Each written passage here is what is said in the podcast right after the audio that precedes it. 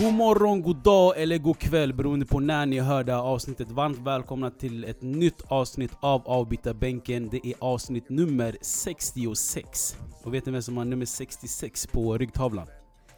Nej. Trent Arnold Alexander. Vad jag kan komma på i alla fall. Är det inte Trent Alexander Arnold? Vad sa jag? Trent Arnold Alexander. Men han har ju tre namn som man kan leka med tänker jag. Man kan säga Trenty, man kan säga Arnold, Alexander Arnold. Eller så kan man säga Ta. Mm. Alltså T-A-A. Exakt. Uh, jättefin spelare för övrigt.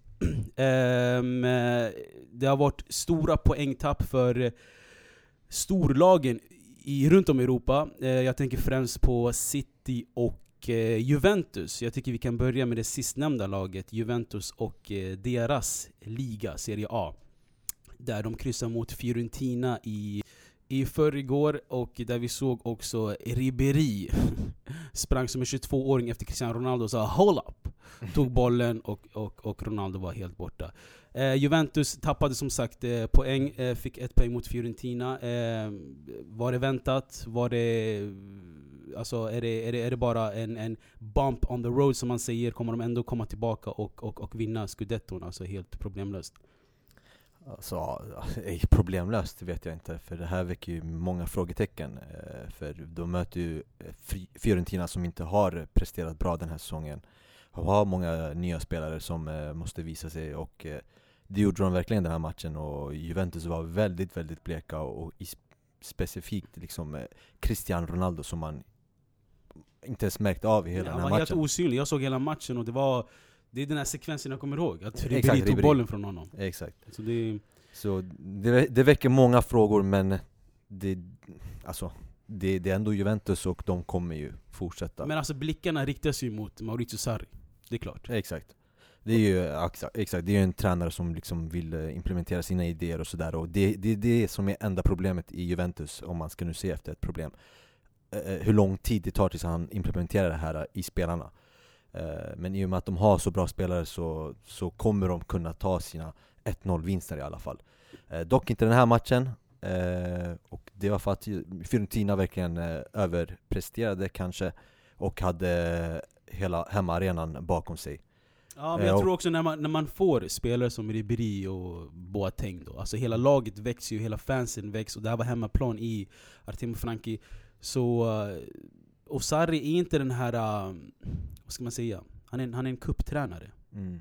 Ja. basically. Oj, det är inte som att han har varit kupptränare i flera år. Han blev det för första gången i sin karriär nu. Ja, men han, han etablerade Som- sig som en kupptränare, vad ska jag säga till dig? Ja. Eh, och sen har ju han eh, alltså sitt mittfält som han har låst sig på. Nu, nu åkte ju Pjanic på eh, en skada och eh, blev ersatt av Bentancur. Jag vet inte hur länge han blir borta. Och Doug- Douglas Costa skadade sig ju också. Ah, det var tre skador, alla, alla som byttes ut blev ju skadade. Precis. Och två skedde redan i första halvlek. Mm. Så det är Mm. inte helt liksom chockerande att de spelar oavgjort mot Fiorentina. Jag tycker där- det är ändå ett bra resultat. Fiorentina är ett bra lag. Sett till matchbilden så är det faktiskt ett jättebra resultat, för Fiorentina var ju det laget som skulle vinna den här matchen, eller som förtjänar egentligen att vinna den här matchen, för de hade flera, flera lägen där de kunde gjort mål på, och de hade matchen eh, alltså, kontrollerat från deras liksom, sida. Mm, Eh. Det var bara, har, har Cristiano Ronaldo en riktigt, riktigt dålig dag som han hade igår, vilket hände väldigt sällan, ja då är det svårt att vinna. borta. Nej men jag tycker alltså man, man får inte förlita sig på Cristiano Ronaldo som man brukade göra när han var under 30 år. Det är, alltså Cristiano Ronaldo har vissa bra dagar och han kommer ha vissa dagar som såg ut så mot Fiorentina. Det får man helt enkelt alltså, acceptera. Men man får, ändå, alltså, man får ändå eh, hämtas på storscenen Douglas Costa bland annat och så vidare för att eh, axla Cristiano Ronaldos roll lite. För kom igen, en, en, en snart 40-årig spelare kan inte hålla på och, och, och vinna scudetton för Juventus hela tiden. Eh, samma dag så spelade ju också titelkandidaterna Napoli och eh, Inter och båda tog eh, poäng. Napoli vann 2-0 mot eh, Sampdoria och Inter 1-0 mot eh, Udine. Eh, Sensei fortsätter leverera. Antingen är det assist eller mål, men han går inte poänglöst eh, från matcher i alla fall. Det, den saken är klar.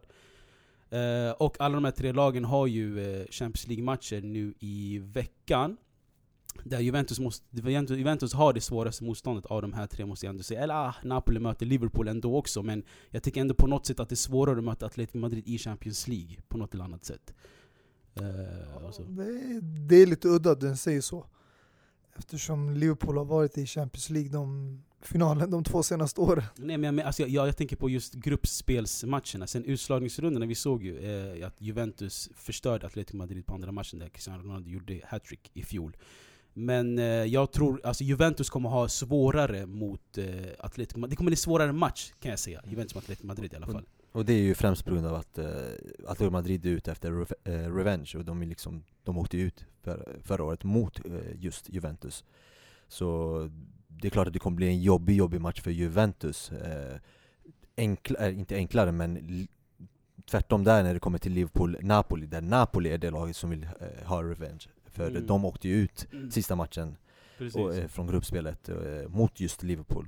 Precis. Så där vill man liksom också visa sig och, ja, speciellt Insigne som gick ut och sa att ja, han har ju stora hopp om att eh, ta Napoli hela vägen till final och vinna Champions League.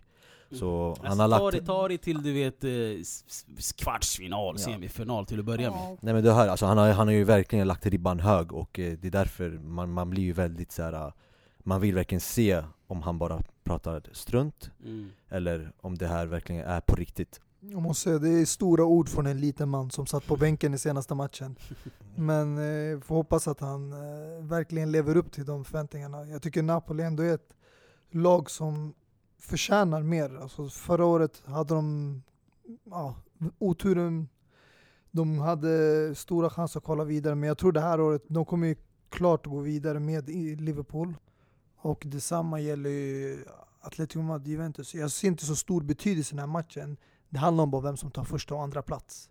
Mm. Alltså, det är menar... ett stort möte mellan två topplag, men i slutändan, vi alla vet, det här är de lagen som kommer kvala vidare från gruppen. Nej men alltså jag, tycker, jag, sa ju, jag sa ju nyss att eh, Sarri har etablerat sig som en kupptränare och jag tror, jag tror på det sättet att Juventus har lagt alla sina pengar på Champions League. Så jag tycker på något eller annat sätt att Conte och Ancelotti borde tänka taktiskt och eh, att det här året de ska sikta på scudetton.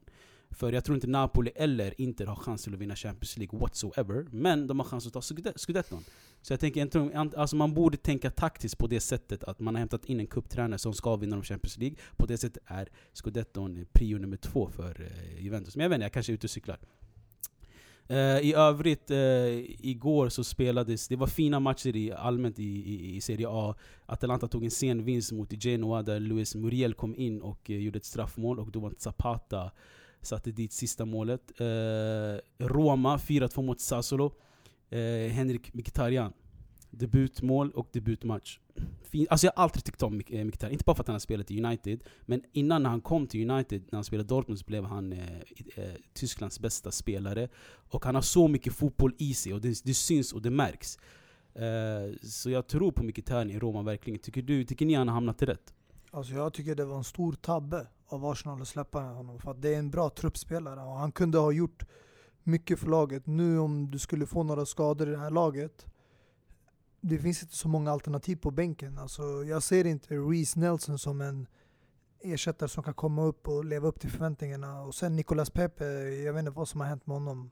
Eh, han hade en, två bra matcher och nu sätter man honom på bänken igen. Så under Emery, det känns som att han är själv osäker på sin egen trupp.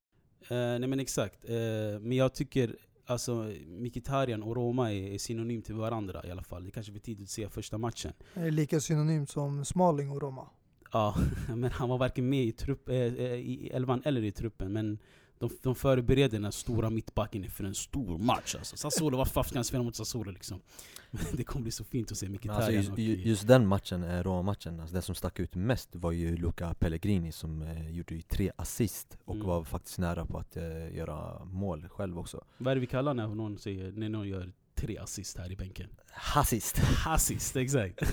ja men verkligen alltså och alltså han kändes ju, alltså det var ju riktig mitt, eh, mittfältsgeneral eh, där och eh, Jag vet inte, jag, jag räknade ut dem eh, faktiskt eh, tidigt i säsongen men eh, det kan faktiskt gå bättre än vad, vad jag tror Ja men som sagt, alltså jag, jag upprepar mig igen och igen. Alltså det är nu de här lagen ska satsa på att ta scudetton när Juventus siktar in sig mot Champions League. Även Milan, som eh, lite kontroversiell match ändå. Piontek satte dit ett straffmål. Eh, du hade att säga ett och annat om den matchen off mic, Mohamed. Ja exakt, alltså jag tyckte ju Alltså dels för att Milan, alltså de körde liksom mot 10 man och väldigt, väldigt tidigt men ändå så, så uträttade de ingen, ingenting. Eh, och visst, alltså jag, jag, det låter som att jag är väldigt negativ alltid när jag pratar om Milan men det här är faktiskt verkligheten. Milan är inte bra och jag som interista är ju väldigt glad över att få möta dem nu nästa omgång. För det här är nog första gången jag inte känner någon form av rädsla, även fast det är ett derby. Ja, det är derby redan nästa... Nästa helg faktiskt. Oj oj oj, så det är Champions League och sen eh, samma vecka är det Mm, derby. Precis. Men derby är derby och från att ha spelat riktigt dåligt mot Hellas Verona så kan de plötsligt spela riktigt, riktigt bra. Men ja, som sagt, alltså det, det var bara sidledspassningar även fast man är tio man. Och det, till och med Hellas Verona var närmare att göra liksom 1-1 än vad Milan Nej men det, det göra där Milan befinner sig just nu, jag tror Milan har accepterat att de är dåliga, jag tror omvärlden också accepterat att de är dåliga. Men det handlar om för dem att bara att ta en gedigen fjärde plats Mm. i, i serien. Eh, jag såg att Ante, de gjorde ett byte i hela matchen, Ante Rebic kom in, gjorde debut. Hur var han? Jag såg inte matchen allmänt. Nej, Alltså det, var, det, var, det var inte nå, något märkvärdigt alltså, direkt. Han, han. Alltså jag, jag, har alltid, jag har inte tyckt att Ante Rebic är en eh, Inte Liksom- ens när han var nära till inte. Nej faktiskt inte, jag, alltså, jag, jag, jag var ju, du kan ju fråga Mustafa, jag sa ju till honom också innan att jag, att jag verkligen inte vill ha honom i vårt lag eh, För han är alltså, det är en ja, så här, uh, spelare som ska spela i ett provinslag alltså, det, du ska inte spela i ett storlag Du ska Och- hålla hus i Bundesliga. Ja eh, exakt, Lite som eh, Luka Jovic, mm. som spelare skadade sig. Men eh, värt att notera är att Piontek ju fick eh, liksom eh, Har nu gjort mål och, efter sin långa måltorka och eh, Mm. går det bra för Piontek så går det bra Men hur var, hur var straffsituationen? Hur var alltså... eh, Milans eller du menar den andra straffen? Nej, både och egentligen. Nej, men ja, alltså Milans eh, straff eh, som de fick, det var ju skott på handen, alltså många liksom argumen- argumenterar om att det var för nära Mm. och att det Det inte finns inte den regeln längre. Nej exakt, exakt. Jag, alltså, för mig är det straff, det, det, för mig är det straff, punkt slut Mm. Däremot den andra, eh, som, eh, som eh, Hellas Verona skulle kanske ha fått Det var när Calabria trycksparkade typ, eller ja, inte, träffade inte honom i ansiktet men han hade en hög Det var armen, han, dro- han drog ner en spelare med armen Vilket såg ut som att det var innanför straffområdet Sen börjar man liksom hitta olika vinklar och så Det kan ha varit utanför straff- straffområdet Mm. att han bara snuddade honom med handen utanför straffområdet men när han väl drog ner honom så var det in, innanför straffområdet. Mm. Förstår du vad jag menar? Precis, precis. Så det, hand- ibland så handlar det inte bara om när man rör personen utan när man liksom Exakt. drar ner personen. Exakt. Förstår du vad jag menar? Det handlar om alla typer av omständigheter i, du vet, Mm. alltså, alltså om, omkring hela situationen. Jag förstår vad du menar. Mm. Men eh, som sagt, eh, alla de här topplagen eh, under Juventus eh, tog poäng. Eh, och ett annat topplag som tappade poäng var ju i England och Manchester där de eh, City, eh, titelhållarna, förlorade mot Norwich ganska, ganska brutalt måste jag ändå säga. Alltså om, man, om man kollar sett på, på, på målen, jag såg hela matchen också. Alltså det var det var City division 3 som mötte Norwich alltså. Det var försvarstabbe efter försvarstabbe. Det var Otamendi som var Norwichs bästa spelare och allt sånt där möjligt alltså. Eh, Timo Pukki fortsätter leverera assist och mål och även eh, U21-spelaren som jag glömde bort helt nu, han heter Cantwell, kan han heta så? Ja. Cantwell exakt, som gjorde debut i U21 i, i, i, i, helg, i, i veckan och gjorde mål nu mot City. Så vilken, vilken eh, vecka för Cantwell. Eh, vad, vad, vad säger vi om City Mustafa? Alltså, underskattad elva av Pep Guardiola som vågade, alltså nu vet jag att de har inte den tuffaste Champions League-gruppen, de möter Shakhtar i veckan. Så jag blev chockad när han eh, satte Kevin De Bruyne på bänken, som är eh, klart deras bästa mittfältare. Om inte deras bästa spelare efter kanske Raheem Sterling och eh, Agüero. Men han är i alla fall bland topp tre i City. Kevin De Bruyne? Ja, Jag tycker och- han är bäst i City om jag ska vara helt ärlig. Ja, det finns ju blandade åsikter, men eh, han vågade ju sätta honom på bänken och startade istället med Ilkay Gundogan med Rodri och David Silva där i mittfältet. Och de, de skapade aldrig liksom klara chanser. Det var liksom så här eh, lite små liksom chanser där de kom mycket från kanterna. Eh, Agüero var inte så involverad i spelet som han brukar vara, förutom målet då han gjorde. Och så var det liksom Sterling som försökte alltid komma ut från kanten. Det kändes som att Norwich hade bra koll på dem. Och sen utnyttjade de deras misstag. Ja, stor tabbe av Otamendi som Mm. gjorde att de fick den här 2-0-ledningen. Mm, exakt. Så det blev ju liksom eh, större uppförsbacke och det är sånt som inte får göras i Premier League. De, man blir straffad på en gång. Nej men som sagt, Norwich tränare Bojan Djordjic, nej jag menar Daniel Fark. Dåligt skämt, de liknar varandra. Stämning. Nej men eh, Norwich, eh, de, de verkligen spelar, vi- jag kommer ihåg i början när de mötte Liverpool, att du och jag Mustafa pratade om att de spelar efter sin kaliber. Och vi, vi sa ju liksom att det kommer ge resultat. Och Mm. du ser, de, de vann mot, eh, mot City nu. Eh, och eh, jag ska vara helt ärlig, jag var inte så chockad att eh, Kevin De Bruyne var en av de spelarna som eh, fick vila. För in, in, innan matcherna och inför rapporterna så hade de här spelarna alla spelat i sina internationella matcher. Eh, och sen, Gjorde Kevin De Bruyne det första matchen då?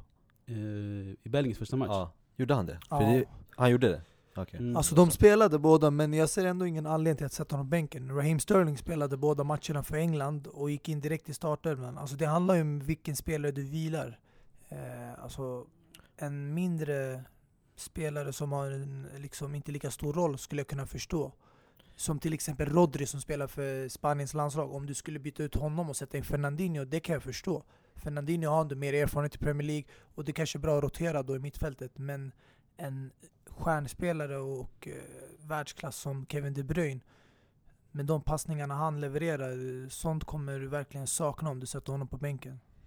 Ja, och sen har det också med att göra eh, hur långt eh, liksom, de reser. För eh, det brukar vara spelare från Sydamerika till exempel eh, så, så brukar man direkt efter landslagsuppehållet vila dem För de har liksom Mm. varit med om en lång resa och, och så vidare och så vidare Men det här är ändå Belgien, Nej, vilket är inte så långt ifrån så Exakt. Alltså jag, alltså jag tänker, eh, alltså han, han har väl inte tid och rum att vila spelare när, när det var så tight titelracet förra året. Eh, deras eh, kandidat, alltså titelkandidaten Liverpool vann ju mot Newcastle. Och där vilades också en annan eh, spelare, en sydamerikansk spelare, Roberto Precis. Firmino. Men eh, så fort Origi blev skadad så kom han in och eh, satte, du vet, gluet mellan Mané och Salah direkt alltså. Han fick ett assisten för eh, Manés andra mål med en jättefin pass. Och vi måste snacka om si- assisten till Mohamed Salah. Det är, alltså det är Firmino i ett nötskal alltså. Han har så mycket brasiliansk fotboll i sig, men ändå, alltså jag känner han, alltså han, han blir inte uppskattad för den spelare han är. Alltså jag tycker han är en otrolig spelare. Alltså han, han är en spelare som inte vill eh, ta så mycket stage, han låter Mané och Salah bråka om den. Men han är där, han lägger sin assist, han är riktigt fin poängspelare Det där, är, alltså det där är perfekt spelare att ha i sin trupp. En spelare som inte bryr sig om rampljuset, men ändå kämpar för dig. Alltid. Men jag, alltså jag, hade, jag, hade, jag, jag hade en diskussion mellan mig och mig igår om Firmino skulle passa i andra topplag. För jag tycker Liverpool är som handen i handsken för honom. För han spelar, han kommer ner och hämtar bollen, han har en liten fri roll där han har spelare som yttrar som Mané och Salah eh, som spelar för honom lite. Eh, så jag, så jag, jag, kan, alltså jag har svårt att se Firmino i ett annat lag, i ett annat topp-europeiskt lag. Eh, eller, eller är det bara jag som är helt ute och cyklar? Alltså han, för mig i alla fall, jag tror han skulle kunna passa en annan roll. Alltså det är till exempel, jag skulle kunna tänka mig Barcelona, där Messi alltid tar liksom rampljuset. Och det har vi sett. Det spelar ingen roll om de värvar in en, en ny nummer nia som anfallare. Jo, jag tror han skulle vara det här gluet som du säger till Messi. Och om man skulle ha en annan ytter som till exempel Neymar om man värvade in, eller nu köpte de Men Griezmann. men skillnaden är att Messi också kommer ner och möter boll. Här är Salah och Mané är de som springer och, och, och hittar djupledslöpningarna. Så man, eh, Firmino kan vara den som, eh, alltså limmet där bak. Men i Barca skulle det inte funka så. Alltså jag, alltså jag kan inte föreställa mig eh, Firmino i ett annat lag, Nej, tyvärr. exakt. Och, alltså, om han nu skulle spela i Barca, vad skulle hända om Messi inte spelade? Alltså skulle han göra som Suarez eh, gjorde sist, att han kommer in och gör mål direkt efter en minut och sen inte bara ett utan två mål Mm. utan Messi på plan? Mm. Det tror jag inte. Det tror jag absolut inte. Alltså, vi ser ju i brasilianska landslaget, han är inte given där whatsoever. Nej, exakt. för att Brasilien spelar inte som Liverpool. Mm. Det, det, det är väl alltså, Mané, eller vad säger Firmino är, är, är gjord för Liverpool helt enkelt måste jag säga. Men alltså, däremot så tycker ju Troy Deeney eh, i alla fall att eh, Firmino är den bästa nummer nian i Premier League. Eh, och det är ju, och han bortser ju från mål och sånt för eh, hans argument är ju att han har två, som sagt, precis bredvid sig som båda gjorde 20 plus mål förra säsongen. Så har du såna här otroliga yttrar bredvid dig alltså, och ska du då även göra 20 mål, alltså det blir ju bara Nej men exakt, det är lite... Det är massaker alltså, det går inte. lite 40, 20, Men alltså 20, egentligen, det där är ingen ursäkt. Alltså låt oss vara ärliga. Du kan kolla på Messi, som enligt många är världens bästa fotbollsspelare, och du har Suarez som gör ändå, vad är det, 30 mål varje säsong nästan. Har han snittat i Barcelona? Eller, du har ett exempel på en spelare som har blivit kritiserad mycket och har en väldigt liknande roll som eh, Firmino har nu. Och det är Benzema, när Cristiano spelade där. Mm, Han var den som gick ner mycket. Cristiano kämpade inte hem, fick vara där uppe och var beredd på kontring och var bara den som pumpade in målen. Och Benzema gjorde inte lika många mål som han gör nu idag när Ronaldo är borta. Mm. Utan han föll mycket ut på hörnkanterna, utanför, långt ner på banan och lät eh, Cristiano inta scenen. Alltså jag tycker det är lite Xavi Iniesta syndromet där, där, där, där de, de gör Messi bra, Messi gjorde dem bra. Det är lite samma syndrom här. Ett annat syndrom som ett lag sitter på, det är ju ett transfer ban syndrom som ändå har alltså, omvandlat och, och växt till något fint måste jag säga. Där bara ungdomar i Chelsea levererar. Alla akademispelare gjorde mål och var med i målresultatet igår. Tim Abraham gjorde tre mål och eh, Mason Mount gjorde ett. Ehm, och 5-2 mot Wolverhampton. Alltså, du måste vara skitglad Mustafa ändå. Alltså, att det ändå. Till slut har ändå gett, alltså, på tal om att det ska ge resultat. Alltså Chelseas ungdomar och akademi har, har ändå måste ha gett resultat nu. Okej, vi kan snacka om att de har Alltså förutsättningarna har inte varit så bra och att, det har varit, att de har varit illa tvungna att spela de här ungdomarna. Men alltså, bortsett från det, det är, det, är, det är dina barn som kommer in och gör mål. Det, det måste kännas alltså, förträffligt, alltså skitunderbart väl? Alltså det är en, eh, självklart någonting man har drömt om länge. Att få se de här akademispelarna verkligen få chansen. Men samtidigt, vi alla var medvetna om att det här var det året det skulle hända i och med transferförbudet. Och jag tror en av anledningarna varför Chelsea inte valde att frysa det här straffet så att man kunde värva var för att utnyttja den här chansen till att ge de här ungdomarna som har varit på lån och, och de har gjort det riktigt bra nu. Och för mig, det är ingenting de liksom har överraskat mig. Om jag ska vara helt ärlig, jag har haft koll på vissa av de här spelarna sedan eh, en lång tid tillbaka. Så jag visste ändå lite vad jag skulle förvänta mig. Men för många andra som jag har pratat och som är liksom nya tittare, eh, för dem blir det som en överraskning och de blir liksom chockerande hur bra de här är. Så jag är glad att de kan mo- motbevisa alla fans, fotbollstittare och även journalister och experter som inte trodde på att de här skulle kunna leva upp till förväntningarna. Och många har ju, bland annat här i rummet, kritiserat Chelsea för att vi inte har kvalitet, eller tillräckligt bra kvalitet i truppen för att ta en Champions League-plats. Mm. Men jag tror ju mer tiden går, desto mer kommer laget och Lampards idéer implementeras och då kommer vi få ut bättre resultat. Jag sa som sagt, det kommer ta tid. Men jag har sett som sagt positiva tecken och det är många också spelare som vi inte har fått tillbaka från eh, skadorna nu. Vi såg ju Rudger göra en comeback som var en skönt men tyvärr gick han av i halvlek igen skadad. Men eh, vi får hoppas att det inte var någonting allvarligt. Ja, alltså jag kan ju säga att jag är en av dem i alla fall som, eh, som eh, alltså, kritiserade Chelsea, eh, inte kritiserade ni har ju inget val, men som kritiserade dina hypningar kring Chelsea, kan jag säga. Eh, för jag hade inte känt, eh, alltså hört talas om Mason Mount innan, och visst, Tammy Abraham har, man hört från dig, så ja, han, gjorde jättebra i Championship eh, året innan det, och så vidare och så vidare. Men, det, och de har gjort det bra nu. De har gjort det bra nu, okej? Då, men, men, men Det är Det- jobbigt att äta upp sina egna Nej, ord. nej, det, det, det är dit jag försöker komma bäst, Det är dit jag försöker komma, hur många matcher har det spelats? Fyra, fem eller vadå? Ja, och jag säger också, vet du vad? Jag, jag Du säger inte att tror- de har levererat, det här är bara början. Jag nej, kommer ihåg de har levererat riktigt bra det, det, Jo, jo, men jag kan inte säga att de har levt upp till förväntningarna än, utan jag kommer avgöra när det gått en hel säsong, hur de har gjort det under en längre period, och sen i slutändan det är klubben som, eh, vad vi har för mål som gäller. Om Chelsea kommer på en sjunde, åttonde plats och Tammy Abraham gör 20 ligamål, det spelar ingen roll för oss. Vi måste ju liksom nå våra mål.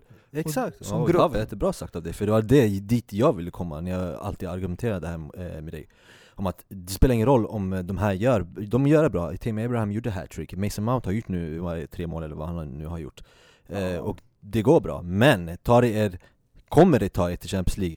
Absolut, jättebra. De här spelarna från er akademi har tagit till Champions League. Det är verkligen ett plus och en positivitet i det. Precis. Gör de inte det, enligt mig, jag ska inte säga att det är eh, slöseri med tid Men jo, nästan, det, kän, det skulle kännas nästan så. För man vet, det här, det här är spelare som bara kommer säljas eller lånas ut Eller som, de, som man inte kommer kunna ha liksom, som startspelare eh, När trans, transferbandet liksom upphör. Och För då vet man att Chelsea kommer ju splasha, eh, liksom, splasha liksom banken och kö, köpa all, allt som finns, förstår du? Men precis, och en eh, annan eh, akademispelare som kom med i målresultatet var ju Fiku Tomori Som eh, gjorde alltså, en av kandidaterna för till eh, säsongens finaste mål. Eh, Och han är också från eh, Chelseas egna led och eh, det ser bra ut Men från en backsuccé till en, till en till backfloppar måste jag ändå säga i Arsenals mittbackspar Sokratis och eh, David Luiz Kan du nämna att eh, den ena gjorde utrymme för Vicky Tomori? Mm, exakt, Ja. Luiz, exakt. Och exakt. det var många som kritiserade det valet också, men eh, det är för att det var ett, eh, enligt många panikförsäljning, eller panikköp rättare sagt nu i folks ögon av Arsenal. Precis, panik, panik är synonymt med Sokratis eh, pass till eh, Delofeu. Jag vet inte vad han håller på med där. Alltså det känns som det var alltså Otamendi och eh, Sokratis hade, hade, hade en fika ihop i, i, i fredags och sa lyssna, låt oss förstöra för våra lag i, i helgen. Stämning. Nej, men jag tänkte bara på att det, det, det, var, det var en vanlig dag i kontoret för Arsenal där också, där Aubameyang gör sitt jobb, men backlinjen inte gör sitt. Eh, Så det är jättefrustrerande att, att vara ett Arsenal-fan, måste jag, jag, jag tror jag förstår dem, hur det är. Eh, Men det är synd, det är jättesynd. Alltså, jag jag såg ju hela matchen, så jag, alltså jag kan ju säga att Arsenal hade Watford i, i, i fickan Tills det där, den här incidenten Mm. där Sokratis passar då och eh, blir en felpass, eh, felpass och eh, Cleverly gör mål på den Efter den där sekvensen, ja men då, då, då ve, alltså jag visste direkt, ja men de, de kommer tappa det här. De kommer, Watford kommer liksom eh, le, leta efter liksom eh, 2-2 och eh, det kom också även till slut. Och vem, vem annan om inte David Luiz som eh, orsakar just den där? Mm, precis. det är som sagt, det är, man, du, du, jag sa ju att man skulle blamea Emery och eh, det, nu blamear jag honom igen också för du har ett eh, mittbackar som eh, är väldigt skakiga och då, då är den sista personen du ska hämta är, är ju David Luiz men ändå så hämtar han honom så Precis. men, Ja, men det var jättesynd att Arsenal tappade poäng när City också tappade poäng. Och där Mustafa, där borde era talanger och Chelsea ta vara på För eh, det var så ni kom till Champions League förra säsongen, eller den här säsongen Eh, och eh, vill ni komma till Champions League den här säsongen också så får ni ta vara på de här situationen som eh, Arsenal sjabblar bort Alltså man kan ju sitta och klaga på andra lags misstag hela tiden, men det händer i andra, alla ligor som spelas. Det handlar om att utnyttja lags misstag och samtidigt, ibland är det att man orsakar att andra lag börjar spela liksom stressigt och blir nervösa, så de börjar göra misstag. Så det handlar om också vad ditt eget lag gör. Men Chelsea som sagt, eh, det är stora förhoppningar om eh, Champions League, men eh, vi låter de drömmarna hänga kvar där. Ungdomarna runt om i Europa har levererat och kommit in med full force den här säsongen. Och Ansu Fati vill inte vara sämre och är nog de yng, en av de yngsta spelarna som vi har, eller den yngsta spelarna som, som, som vi nämner idag. 16 år och 300 någonting dagar. Eh, har gjort två mål och en assist på de här öppningsmatcherna. Hur fin är inte Ansu Fati? Han är ju otrolig alltså. jag, Bara nu senaste matchen, eh, han som gjorde öppningsmålet och eh, assisterade även eh, det andra målet. Och förutom just det, vilket man egentligen, alltså, det räcker bara där att du gör ett mål och en assist eh, som 16-åring i Barca. Du, du, du har liksom visat det, du är riktigt stor. Men om vi bortser från det, det där så har han så hade han verkligen en väldigt fin, fin match och såg redan så här erfaren ut och ville visa och hade mycket boll eh, och eh, gjorde även, eh, kom också till många avslutningslägen liksom, eh. Eh, så det, det här är verkligen, eh, alltså, till skillnad från eh, många andra talanger eh, så, så Exakt. är det här verkligen en riktigt, riktigt fet talang som eh, kan ha en eh, otrolig framtid. Exakt, alltså jag säger så här som du sa, direkt, alltså hans karriär är redan klart nu. Alltså, han kommer aldrig hamna i några lägre klubbar, så att säga, om du, om du har levererat så här i Barcelona som 16-åring. Även om han blir sämre nu när han är 18 eller 20 år, han kommer ändå, hans plånbok kommer vara fet fortfarande. Mm. Förstår du vad jag menar? Alltså, hans, hans, hans vägar är redan banade. Men eh, betyder det här att, eh, det är, att Dembouz hänger löst i Barcelona? Alltså, hänger löst skulle jag inte säga. Alltså, jag, jag tror det här är hans chans att verkligen skina nu när eh, Osman Dembele, Messi och de här är skadade. Men eh, Suarez också som fick komma in från bänken eh, har ju varit skadad. Men vi alla vet ju när säsongen blir liksom allt mer tätare där i slutet och eh, det blir mer avgörande matcher i både slutspel i Champions League och eh, om man går vidare nu i cupen så kommer de här eh, talangerna och unga spelarna få mycket mindre speltid. Så det är bra att de passar på nu men jag har svårt att se dem få chansen framöver för att man har investerat så mycket pengar i spelare som till exempel Griezmann och Osman Dembele och sen Suarez och Messi har ju varit där ett bra tag. Så det är inte lätt att bara sätta dem på bänken för en 16-åring när de väl är skadefria och 100% matchfit. Nej men precis, och man måste kolla på motståndarna också. Att de förlorade med 5-2 är inte så chockerande nog när, de, eh, när Marcelino, alltså en succétränare som jag väldigt, alltså väldigt eh, hyllade i öppningsavsnittet till La Liga, blev sparkad i, i förra veckan. Eh, och kom som en chock, men sen när jag läste lite att eh, Valencias eh, ägare Peter Lim jag tror han heter så, Peter Lim från Singapore, inte bryr sig om fotbollen alls. Han gör lite vad han vill, höger, vänster. Så det är jättechockerande att Marcelino eh, fick sparken. Och det, det är väl nog därför det, det går dåligt. Han blev ersatt av Albert Celades, har ingen koll på den killen. Speciellt efter deras Copa del Rey-vinst Men precis. innan sommaren precis. bara det, mot det, det, är det, som, det är det som är helt sjukt alltså, helt sjukt. Och de, de hade ju en, en, ändå en helt okej fönster, eh, där de behöll ändå sina, sina stjärnspelare. Eh, så Chelsea kommer väl också få en eh, enkel vinst mot Valencia i, i, Ja, i veckan kan jag nog Ska jag inte påstå. dra sådana här falska slutsatser. Jag tycker ändå de skapade en hel del. Och det blev en lite jämn första halvlek mot slutet. Eh, när de gjorde, fick in ett reduceringsmål. Sen andra halvlek bara exploderade det och blev fyrverkerier. Precis. Frågan är nu om eh, Suarez eller Messi är matchfit mot Dortmund nu i veckan. Vet man om det eller? Alltså Suarez som sagt, som vi sa innan, han kom ju, hoppade in och gjorde mål direkt efter en Mm. minut och gjorde ett och två mål. Eh, så varför inte?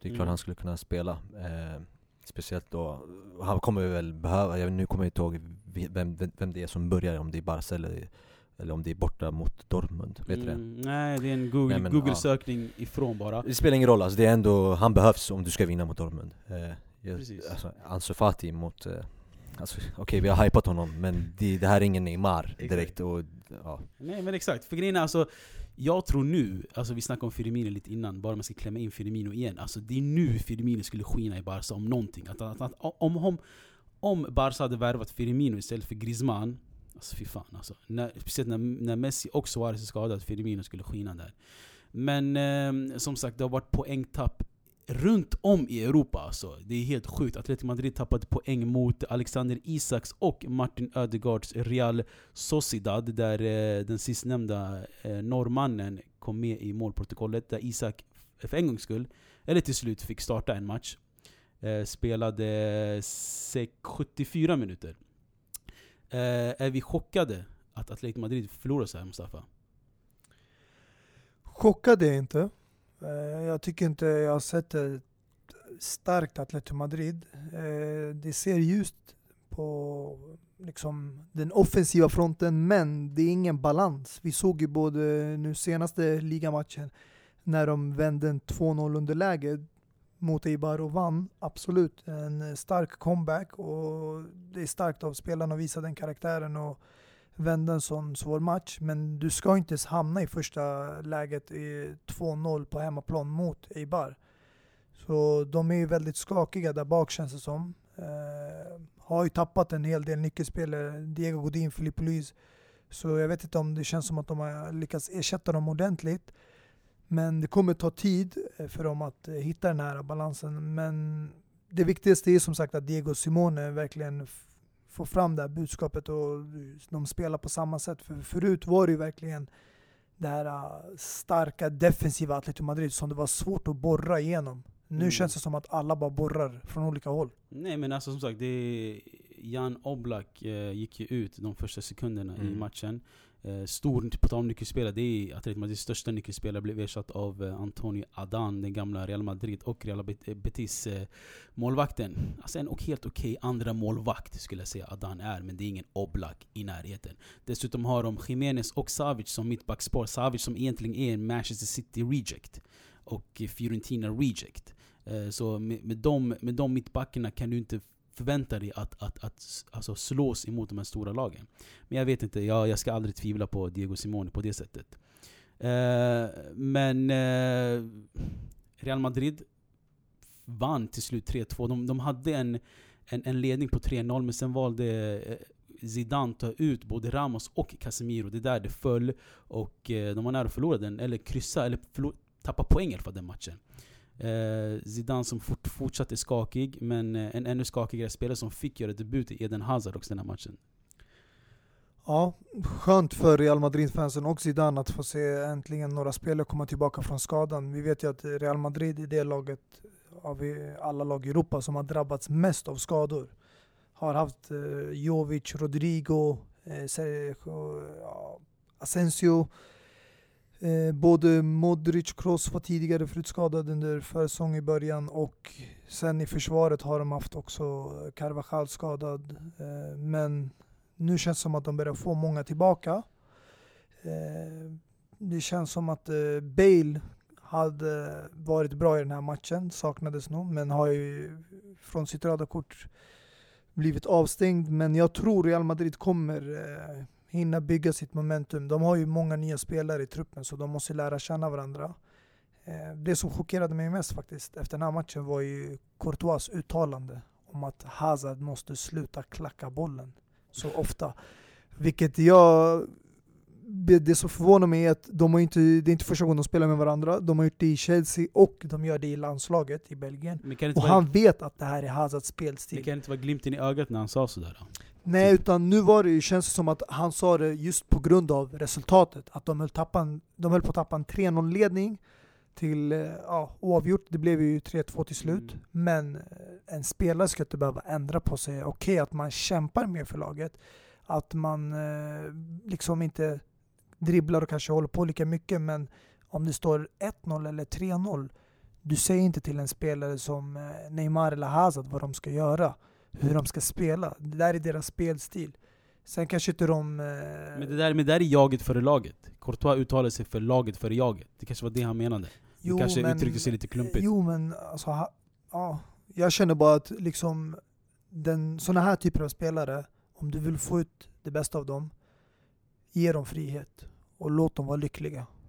Mm. Ja, ja, men i alla fall de, de tog poäng och Atletico Madrid förlorade poäng.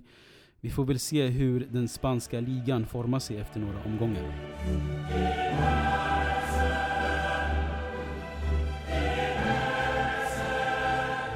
Som ni hör i bakgrunden, det är dags! Eller jag förstår inte varför jag är hypad. Spela upp Europa League-låten.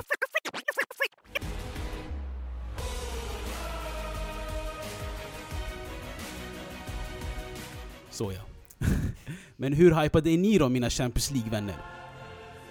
Ja du, jag är verkligen jätte, jättehypad. Det är den här eh, kuppen som man ser fram emot mest kanske, tillsammans med ligan. Men alltså, det är ju den största kuppen där ute och det är där alla de bästa lagen spelar. Precis, på stor scen. Det det alltså, alltså okej, okay, vi spelar på torsdag men jag skiter i Jag gillar ju fotboll först i hand, så jag, jag är jättehypad på de här matcherna. Det är många, många matcher att se fram emot redan imorgon. Uh, ditt lag då? Chelsea. Alltså grejen är såhär. De, jag vet det, de har ju tagit bort den här 2045-tiden och de har försökt eh, ändra på nu att det är två avsparkstider, 21 och 19. Och jag kommer ihåg förra säsongen att vi klagade på det också, men vad fan. Alltså, om det är stormatcher som spelas samma dag, lägg dem lite annorlunda. Varför ska du ha Inter och Slavia Prag klockan 19? När du har eh, Barca och eh, Napoli, vad säger jag, Barca Dortmund och Liverpool-Napoli samma tid. Det, jag förstår inte hur de tänker alltså. Jag måste eh, faktiskt eh, se emot det där. Jag tycker det är bra. Men jag ville ha stormatcherna under nio-slaget. Ja men alltså, jag menar som fotbollsälskare vill man se så många matcher som möjligt i Champions League. Och det är därför du ska vara i ett rum fullspäckat av tv-skärmar och projektorer. Så att du kan ha koll på flera matcher samtidigt. Men låt oss vara ärliga, alltså, ja, vi, jag vet att vi alla brukar göra så, men låt oss vara ärliga. Det, man, man kollar fotboll som bäst när man är fokuserad på en tv-ruta och en match. Så jag vet inte. Alltså jag är mest fokuserad där kommentatorn har en stor roll. Och det är därför de största kommentatorerna ska vara utvalda till de här stormatcherna. Så när man väl hör ett läge, då kan man vända blickarna dit. Nej, men exakt. Du kommer ju, du kommer ju hålla koll på Chelsea-Valencia medan Liverpool, Napoli och Dortmund, Barca spelar. Så det, alltså det, skämt åsido, jag kommer självklart göra det, men det är inte för att jag, jag ser fram emot de här toppmatcherna. Speciellt mellan de här storlagen. Eh, Liverpool, Napoli, PSG, Real Madrid, Atletico Madrid, Juventus. Men just varför jag är väldigt eh, glad över att äntligen få se Chelsea, det är för att vi var inte med i Champions League förra året. Och det här är ett helt nytt Chelsea som vi aldrig har sett förut. Exakt. Som för första gången, det är många spelare som kommer göra debuten i Champions League, så därför är det väldigt intressant för mig. Exakt, vi får väl se om Team Abraham gör en som Ian Wright sa. He stands him up straight and he squares him up. Bada what a move! What was that? Once he gets him here, look how quick his feet is. I love Connor Cody, but there he got he got taken away there. Three very different goals as well. Vilka matcher eller vilken match kommer du eh, fokusera på Mohamed? Imorgon? Ja, det kommer ju bli alltså, skönt att inte spela klockan 19 eh, men sen är det ju Dortmund, Barcelona främst i och med att de är i samma grupp. Men även Napoli, Liverpool såklart. Exakt. Det är ju de matcherna.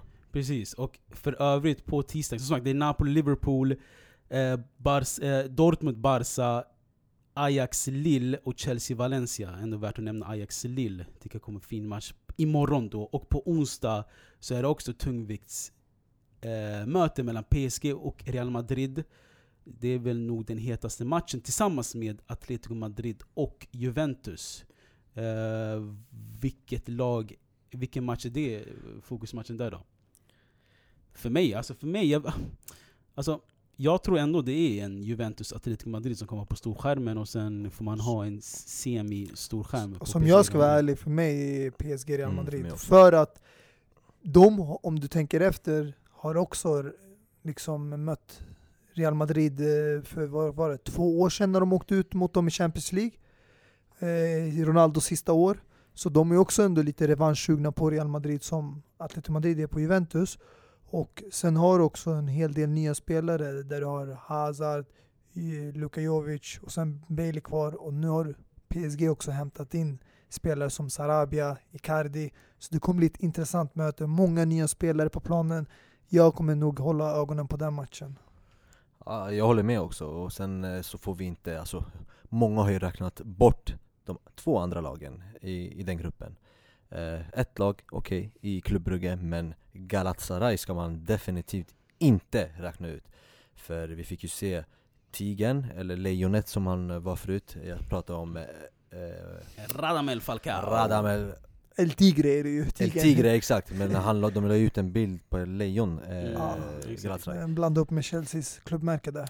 Falcao pratar jag om. Eh, tillsammans med andra spelare som nu jag inte har i minnet men... Eh, Jimmy Durmaz. Nej, jag vet inte om han är en köp Feguli har det bland annat. Ja, men... Det är många fina spelare alltså, men ah, de kommer inte klara av en andra plats.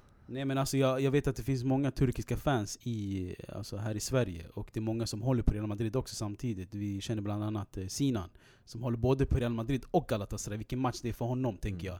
Han, han, ska ju faktiskt ner dit och kolla, har jag för mig att han sa till mig. Mm, ja, kanske, jag vet inte. Men det, om han ska ner dit så är det värsta stämningen kan jag tänka för honom. Mm. Alltså. Eh, men eh, med det sagt då, eh, jag hoppas på fin, fina matcher alltså både idag och tisdag och onsdag. För idag spelar ju Aston Villa mot eh, Sebastian Halles lag West Ham. Och eh, en Serie A-match har vi också, to Torino mot eh, Lecce. Mm.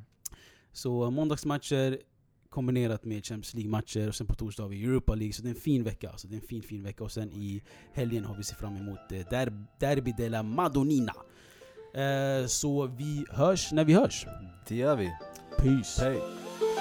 Asë pas mirë hëka Nuk ka lidhë shia se te për e mirë koka E, ne vera një këtë bota Kejtë e din që në jena në më një. Asë pas mirë hëka Nuk ka lidhë shia se te për e mirë koka E, ne vera një këtë bota Kejtë e din që në jena në më një. Pas mirë hëka Nuk ka lidhë shia se te për e mirë koka E, Neve na një kit bota. Kejtë din që na era në unjo Kom doll me shusni, kom doll veç me pi. Biri 2 a 3, a për shetë që s'po manin. Mësëm vet për qek, jo, mësëm vet për lek. Hargjona na kejtë, se dim që vina pet Të mirën e t'keqën, kejtë bashkin dojna. Haverat vin nga Spanja, qilet shampanja. For real në qën shishe Kejtë zita zita, Rolexa shkelqen Kejtë blica blica, ej I rëthu me bosa si komu në veç dosta na jena vlazni. Se konkurencën e fundosa Ta shumë e vullosa që në rina për mi. I said that's me